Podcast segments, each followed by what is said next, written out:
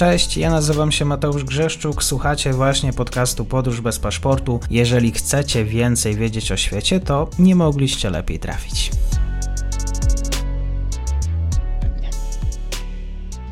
Dzień dobry Państwu, dzień dobry wszystkim słuchaczom. Dzisiaj jest ze mną dr Aleksandra Kuczyńska-Zonik z Katolickiego Uniwersytetu Lubelskiego oraz Instytutu Europy Środkowej. Będziemy rozmawiać o Litwie. Dzień dobry Pani doktor. Dzień dobry, bardzo mi miło ponownie y, gościć.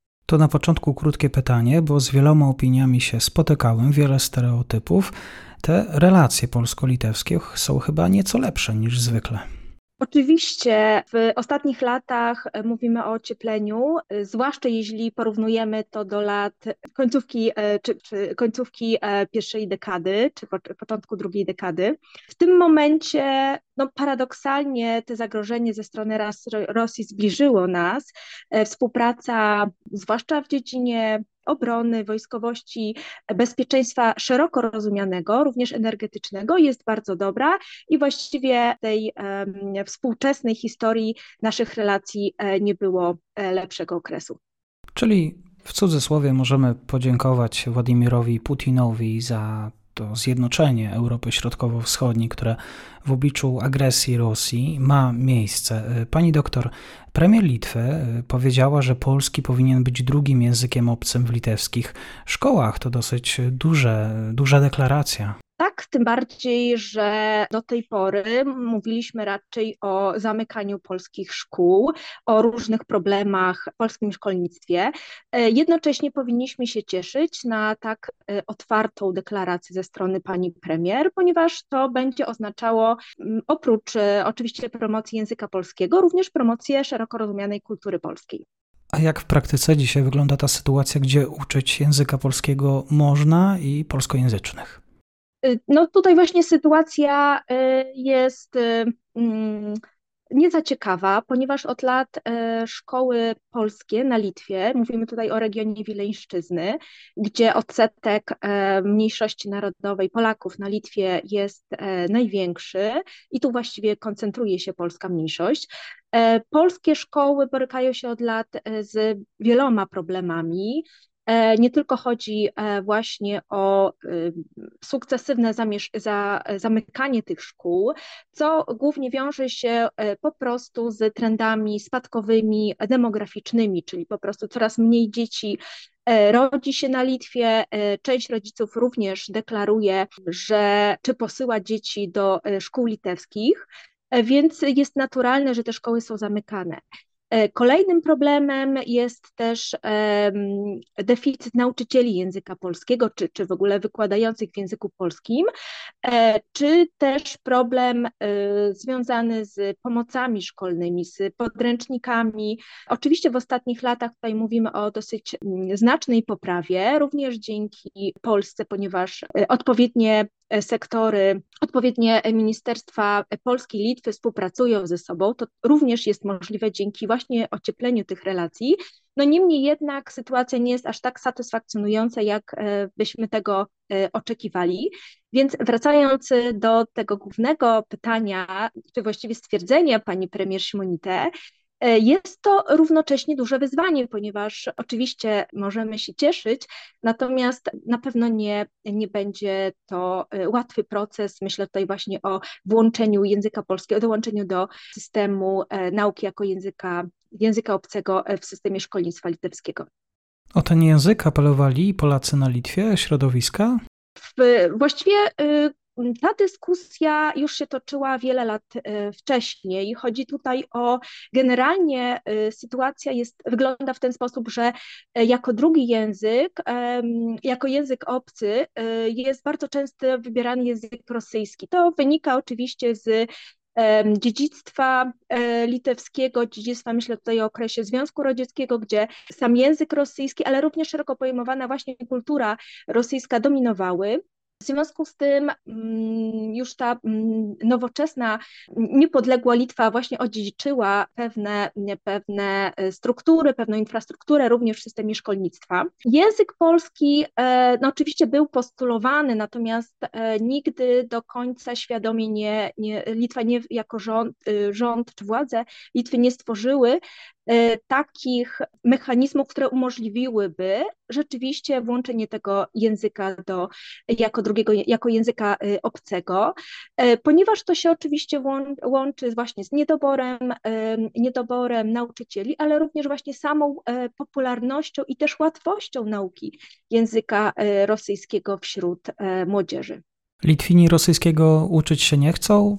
Pytanie też, czy ten rosyjski będzie musiał w jakiś stopniu funkcjonować w tej przestrzeni biznesowej, e, edukacyjnej.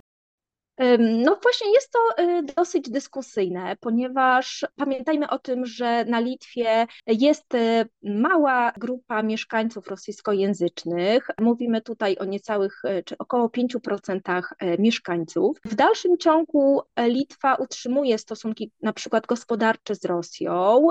Nawet po wybuchu wojny czy o pełnoskalowej inwazji te relacje E, jednak są podtrzymywane, więc no wydaje się, że Litwa zupełnie nie zrezygnuje z nauki języka rosyjskiego jako języka obcego. Natomiast e, wydaje się, że wzrasta chęć ze strony samych Litwinów nauki innych języków, ponieważ poza językiem rosyjskim popularne są zarówno niemiecki, jak i e, francuski. Poza tym e, dołączenie czy poszerzenie tej grupy e, języków obcych o takie języki jak właśnie polski, czy łotewski, czy estoński, również stwarzałyby nawiązanie takich głębszych relacji w regionie i również e, stworzyłoby jakiś właśnie dodatkowy impuls, być może do e, zwiększenia kontaktów gospodarczych czy kulturowych e, Litwy z państwami w regionie. No ja czytam takie głosy, że no lepiej tutaj wcisnąć ten angielski. Angielski jak najbardziej jest również dostępny.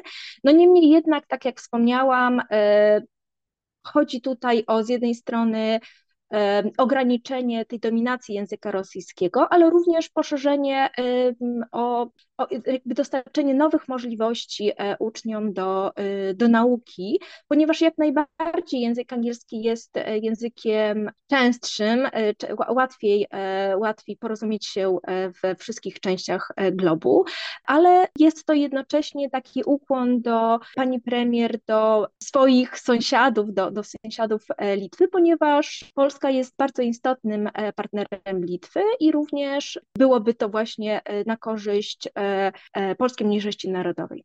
Ten kazus litewski ma również odzwierciedlenie w łotewskich warunkach językowych. Tak, dlatego że Łotwa poszła o krok dalej e, i wprowadziła e, oficjalnie zakaz nauki języka e, rosyjskiego w szkołach publicznych od roku szkolnego 2026-27.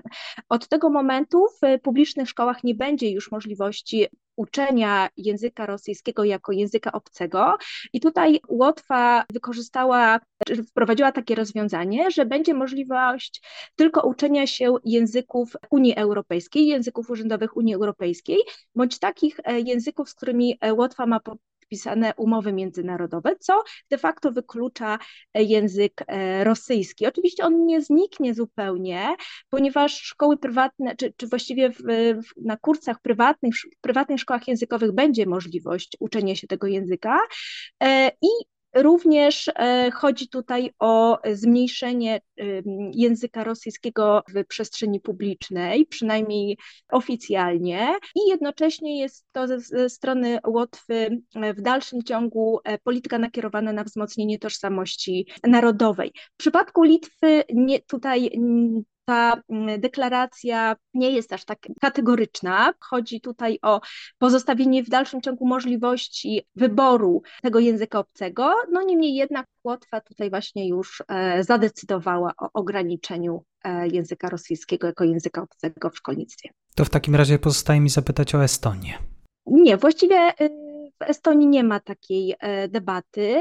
Myślę, że może się pojawić, natomiast Estonia jest jednak takim bardziej liberalnym krajem, e, gdzie raczej e, władze unikają wprowadzenia kategorycznych zakazów i ograniczeń, więc na razie nie spodziewałabym się jakiejś głębszej dyskusji i ustaw na, na poziomie krajowym w Estonii. Dzisiaj dla Państwa w krótkim komentarzu dr Aleksandra Kuczyńska-Zonik. Bardzo dziękuję. Dziękuję serdecznie. I to już koniec na dzisiaj. Zapraszam na profil podcastu Podróż bez paszportu na Facebooku, Instagramie i Twitterze. Zachęcam też do wsparcia mojej pracy na serwisie Patronite oraz Buy Coffee. Do usłyszenia.